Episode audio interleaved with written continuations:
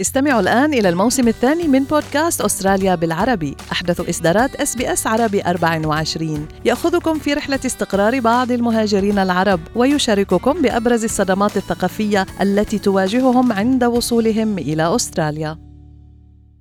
أنتم مع SBS عربي 24 استمعوا إلى آخر إصداراتنا بودكاست الهوية. أهلا بكم في بودكاست تحت المجهر. وفيه نناقش حقيقة لقاحات كورونا المتوافرة في أستراليا بين الشك واليقين ونظريات المؤامرة. في حلقة اليوم، لماذا يعاني البعض من ردود فعل عند أخذ اللقاحات المضادة لفيروس كورونا؟ هذه الأعراض قد تتراوح ما بين حرارة مرتفعة وقشعريرة وصداع قوي، فيما لا يشعر آخرون بأي ردة فعل بعد أخذ اللقاح. معكم منال العاني وأناقش هذه المواضيع مع ضيفي البروفيسور أحمد الربيعي أخصائي أمراض الجهاز الهضمي والناظور وأستاذ في كلية الطب بجامعة نيو ساوث ويلز بداية دكتور أحمد دعنا نستمع إلى هذين المقطعين لسيدة أخذت الجرعة الأولى من لقاح فايزر وواجهت ردة فعل قوية وشاب تلقى جرعتين من لقاح أسترازينيكا ولم يواجه أعراض جانبية. آه، أنا أخذت أول جرعة من لقاح آه، أسترازينيكا والحمد لله تمام. يعني ما في أي حتى ما في أعراض ما في حتى فيفر ما في آه، وجع راس. يعني هو العرض الوحيد اللي صابني شوية ألم موضعي محل الإبرة. عن الجرعة الثانية اللي كانت بعد أربع أسابيع.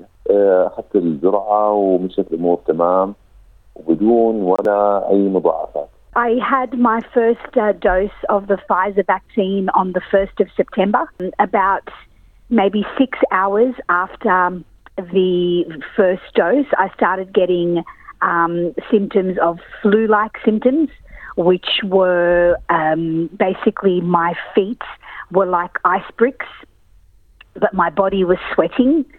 Um, I had like a headache and I had um, experienced a lot of tiredness.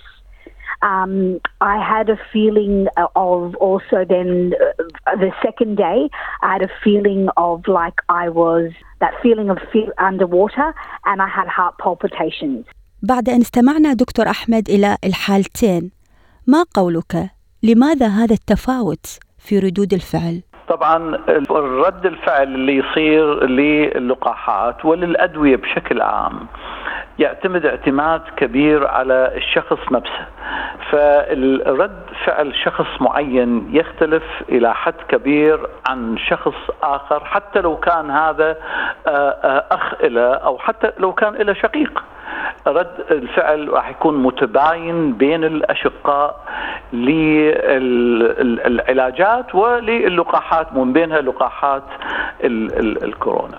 عوامل عديدة تتحكم في رد فعل جهازنا المناعي لأي جسم غريب يدخل الجسم جسمنا بما فيها الأدوية لأن الأدوية هي من خارج الجسم فهي هي أجسام غريبة واللقاحات أيضا أجسام غريبة. عوامل عديدة صعب حصرها تبدي بالعمر تبدي باختلافات الجندر المرأة رد فعلها يختلف عن الرجل. تشمل أيضا التكوين الجيني للإنسان للشخص نفسه اللي هو مختلف تماما عن التكوين الجيني حتى لأخوه.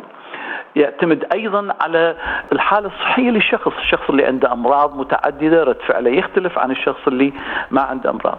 يعتمد أيضا على تأثير البيئة والمحيط، ويعتمد أيضا حتى على تأثير الغذاء، نمط الغذاء، الدايت مالته واختلافاته. نعم، لكن دكتور إحنا مع بعضنا البعض نتحدث دائما يعني سواء أصدقاء، زملاء، أحد أفراد العائلة، إذا عندك أعراض من بعد أخذك للقاح يعني أنت اللقاح اشتغل عندك وإذا لا بمعنى يمكن اللقاح ما اشتغل عندك.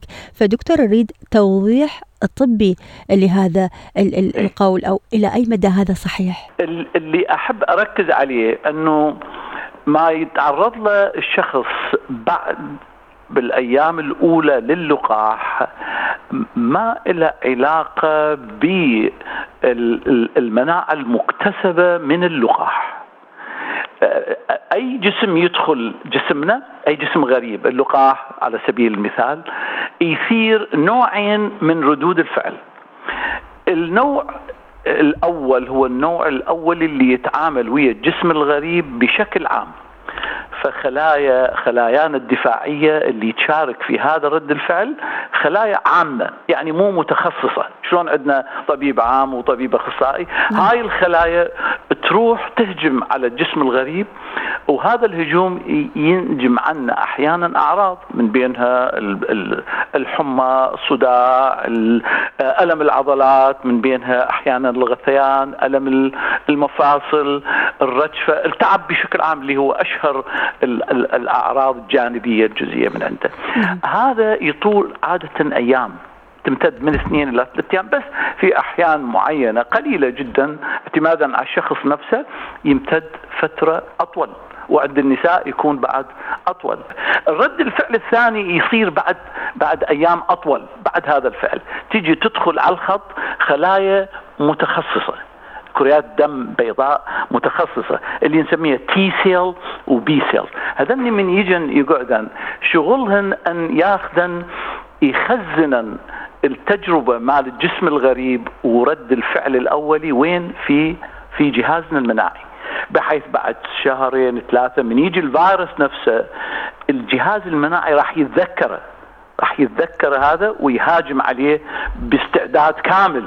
ولهذا وجود أعراض أولية لا يعني قوة آه، المناعة. نعم دكتور أحمد هنالك كلام متداول آه، بين الأصدقاء أو من على وسائل التواصل الاجتماعي اشرب مي قبل تأخذ اللقاح وأيضا بعد أن تأخذ اللقاح لأنه المي راح يساعدك على تخفيف حدة الأعراض الناتجة عن اللقاح، ما مدى صحة هذا الكلام دكتور؟ ما أعتقد أكو هناك أي علاقة بين المي والسوائل أو بين أي آه، تهيئة للقاح بالأعراض الجانبية اللي ذكرتها. إحنا نعرف أنه آه، كثيرين عنده نوع من التوجس من اللقاح.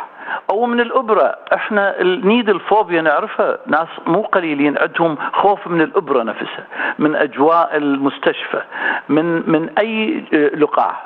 ناهيك عن أنه إحنا قاعد نتعامل هسه ويا لقاح جديد وعليه تقولات كثيرة. فاحيانا القلق المصاحب للتزريق ممكن يقلل الضغط. ممكن.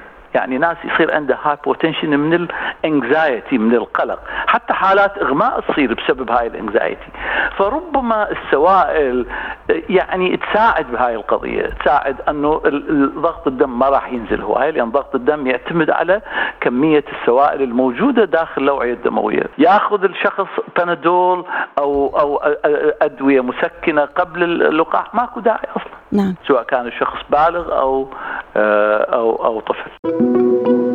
كنت معكم منال العاني من سلسلة تحت المجهر لقاحات كورونا. هل تريدون الاستماع إلى المزيد من هذه القصص؟